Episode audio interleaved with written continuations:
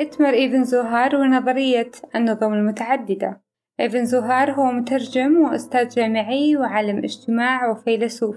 تبدأ قصتنا معه اليوم في السبعينيات من القرن الحالي وتحديدا في مؤتمر لوفن عام 1976 عندما بدأ الحديث عن النهج الأدبي في الترجمة يشق الطريق إلى عالم دراسات الترجمة الوصفية. بدأ النهج الأدبي لنظرية الترجمة في الظهور كرد فعل على النظريات اللغوية التي احتكرت مجال دراسات الترجمة لعقدين متواصلين. البحث الذي عرضه إيفن زوهار تحت عنوان وضع الأدب المترجم في النظام التعددي الأدبي أوضح فكرة أن الأدب المترجم هو جزء من السياق الأدبي والثقافي والتاريخي لثقافة الهدف وأنه يجب أن يتم النظر إلى الأعمال المترجمة على أنها نظام يعمل داخليا ويتفاعل مع النظام الأدبي في المجتمع. وهذا النظام الأدبي نفسه يعمل داخليا أيضا ويتفاعل مع النظم التاريخية والثقافية والاجتماعية للجمهور الهدف. ويعني ذلك أنه بالنسبة لإيفن زوهار أن هناك نظام داخل نظام داخل نظام وهو ما يطلق عليه النظام التعددي أو النظم المتعددة. وقد تبع عالم الترجمة جدوين توري نفس خطى إيفن زوهار في الترجمة الوصفية ووضع أسس نظرية النظام التعددي واعتمد عليها في تحديد معايير للترجمة وقدم بذلك عنصرا ثقافيا جديدا لفهم الترجمة ودراستها.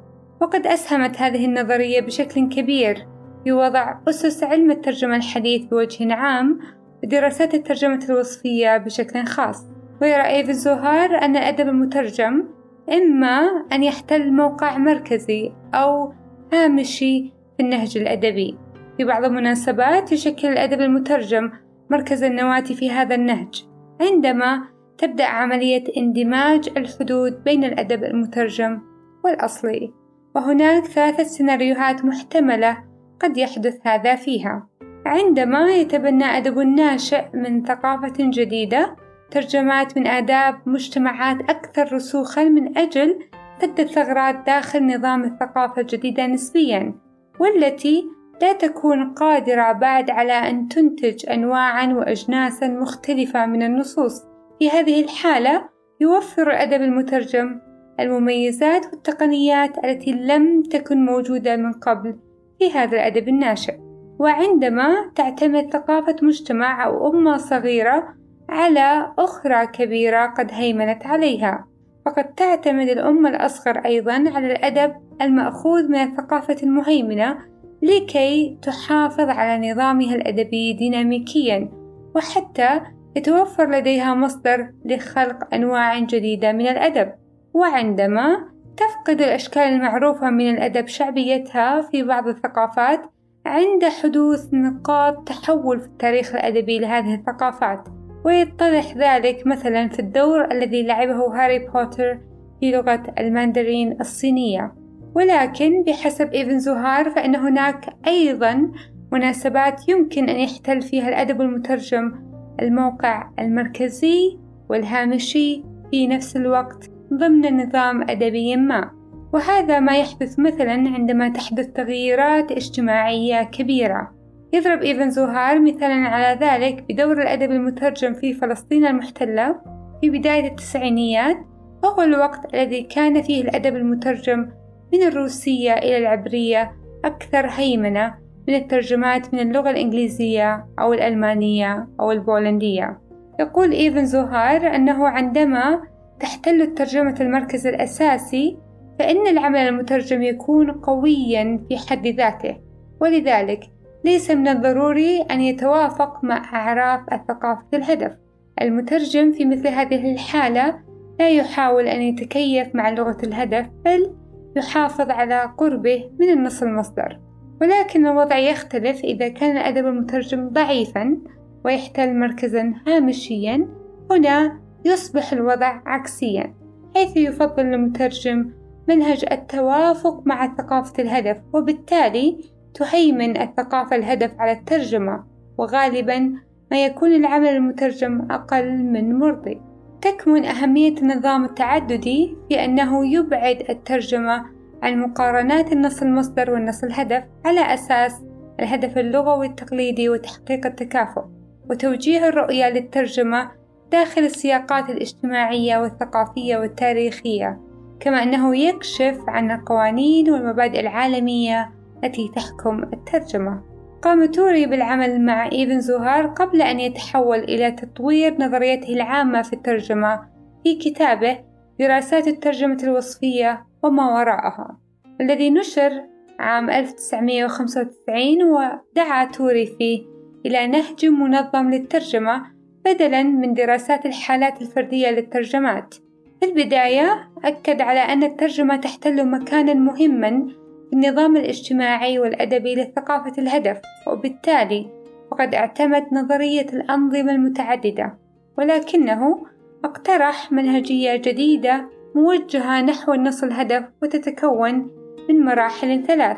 المرحلة الأولى النظر في النص الهدف من حيث ثقافة الهدف لتحديد أهميته. المرحلة الأولى هي النظر في النص من حيث ثقافة الهدف لتحديد أهميته. المرحلة الثانية هي مقارنة مقاطع من النص المصدر والهدف لتحديد العلاقة اللغوية عن طريق وضع النص الهدف على النص المصدر للعثور على أزواج مترابطة. المرحلة الثالثة تمييز الاتجاهات وتكوين التعميمات وتحديد المعايير واستخلاص النتائج اللازمة. اتخاذ القرارات في المستقبل. لا يرى إيفن زوهار الأدب المترجم فقط كنظام متكامل داخل أي نظام تعددي أدبي ولكن كالنظام الأكثر نشاطا داخلة. قد يميل المرء إلى الاستنتاج من الموقف المحيط للأدب المترجم في دراسة الأدب أنه يحتل أيضا موقع هامشي بشكل دائم في النظام التعددي الأدبي. وسواء أصبح الأدب المترجم مركزيا أم هامشيا فإن ذلك يعتمد على الكوكبة المحددة للنظام التعددي قيد الدراسة. أن القول بأن الأدب المترجم يحتفظ بمكانة مركزية في النظام المتعدد الأدبي يعني أنه يشارك بنشاط في تشكيل مركز النظام التعددي. في مثل هذه الحالة يكون إلى حد كبير جزء لا يتجزأ وبالتالي من المحتمل أن يتم تحديده مع الأحداث الرئيسية. وهذا يعني أنه في هذه الحالة لا يوجد تمييز واضح بين الكتابات الأصلية والمترجمة. وغالبا ما يكون الكتاب الرئيسيون هم الذين ينتجون الترجمات الأكثر وضوحا أو تقديرا. علاوة على ذلك في مثل هذه الحالة عندما تظهر نماذج أدبية جديدة من المرجح أن تصبح الترجمة إحدى وسائل تطوير المرجع الجديد. من خلال الأعمال الأجنبية يتم إدخال السمات أي المبادئ والعناصر في الأدبيات التي لم تكن موجودة من قبل. ربما لا تشمل هذه النماذج الجديدة للواقع فقط لتحل محل النماذج القديمة والراسخة التي لم تعد فعالة ولكن أيضا مجموعة كاملة من الميزات الأخرى مثل لغة شعرية جديدة أو أنماط وتقنيات تركيبية. إن التنازع في أن الأدب المترجم قد يحافظ على موضع طرفي يعني أنه يشكل نظاما طرفيا داخل النظام المتعدد. يستخدم بشكل عام نماذج ثانوية. في مثل هذه الحالة ليس لها أي تأثير على العمليات الرئيسية ويتم تصميمها وفقا للمعايير المحددة بالفعل من قبل نوع مهيمن بالفعل في الأدبيات المستهدفة.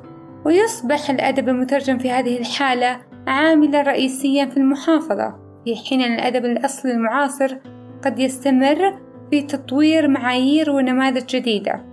فإن الأدب المترجم يلتزم بالمعايير التي تم رفضها مؤخرا أو قبل فترة طويلة من قبل الأدب المركزي.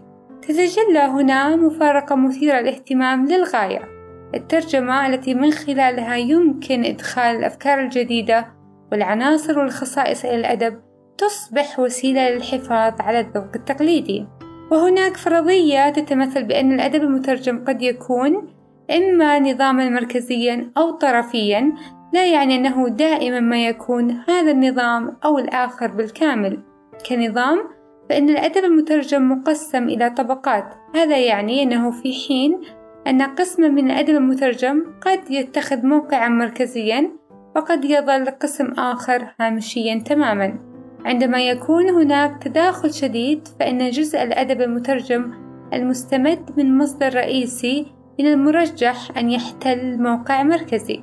في النظام التعددي الأدبي العبري بين الحربين العالميتين اتخذ الأدب المترجم من الروسية موقعا مركزيا لا لبس فيه بينما كانت الأعمال المترجمة من الإنجليزية والألمانية والبولندية ولغات أخرى هامشية بشكل واضح.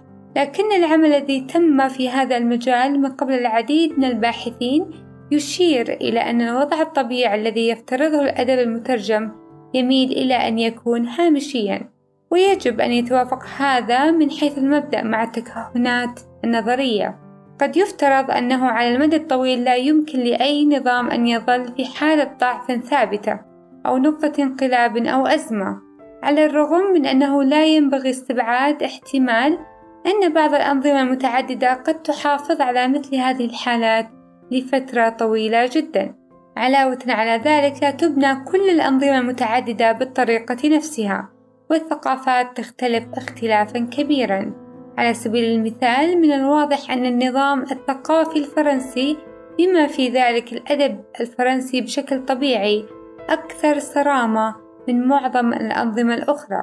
وأدى هذا إلى جانب الوضع المركزي التقليدي الطويل للأدب الفرنسي في سياق أوروبا أو ضمن النظام الأوروبي الشامل إلى جعل الأدب الفرنسي المترجم يتخذ موقعا هامشيا للغاية. حالة الأدب الأنجلو أمريكي قابلة للمقارنة بينما يبدو أن الروسية أو الألمانية أو الإسكندنافية تظهر أنماطا مختلفة من السلوك في هذا الصدد. إن التمييز بين العمل المترجم والعمل الأصلي من حيث السلوك الأدبي هو وظيفة للموقف الذي يتخذه الأدب المترجم في وقت معين. أما عندما يحتل الأدب المترجم موقع هامشي فإنه يتصرف بشكل مختلف تماما. هنا يتمثل جهد المترجم الرئيسي في التركيز على إيجاد أفضل النماذج الثانوية الجاهزة للنص الأجنبي. وغالبا ما تكون النتيجة ترجمة غير مناسبة. بعبارة أخرى لا يعتمد الوضع الاجتماعي الأدبي للترجمة على موقعها. داخل النظام التعددي فحسب بل إن ممارسة الترجمة ذاتها تخضع أيضا لهذا الموقف. وحتى السؤال عن ماهية العمل المترجم لا يمكن الإجابة عليه مسبقا من منظور حالة غير متوازنة تاريخية خارج السياق. يجب تحديده على أساس العمليات التي تحكم النظام التعددي. من وجهة النظر هذه لم تعد الترجمة ظاهرة تعطى طبيعتها وحدودها مرة واحدة وإلى الأبد. بل هي نشاط يعتمد على العلاقات داخل نظام ثقافي معين.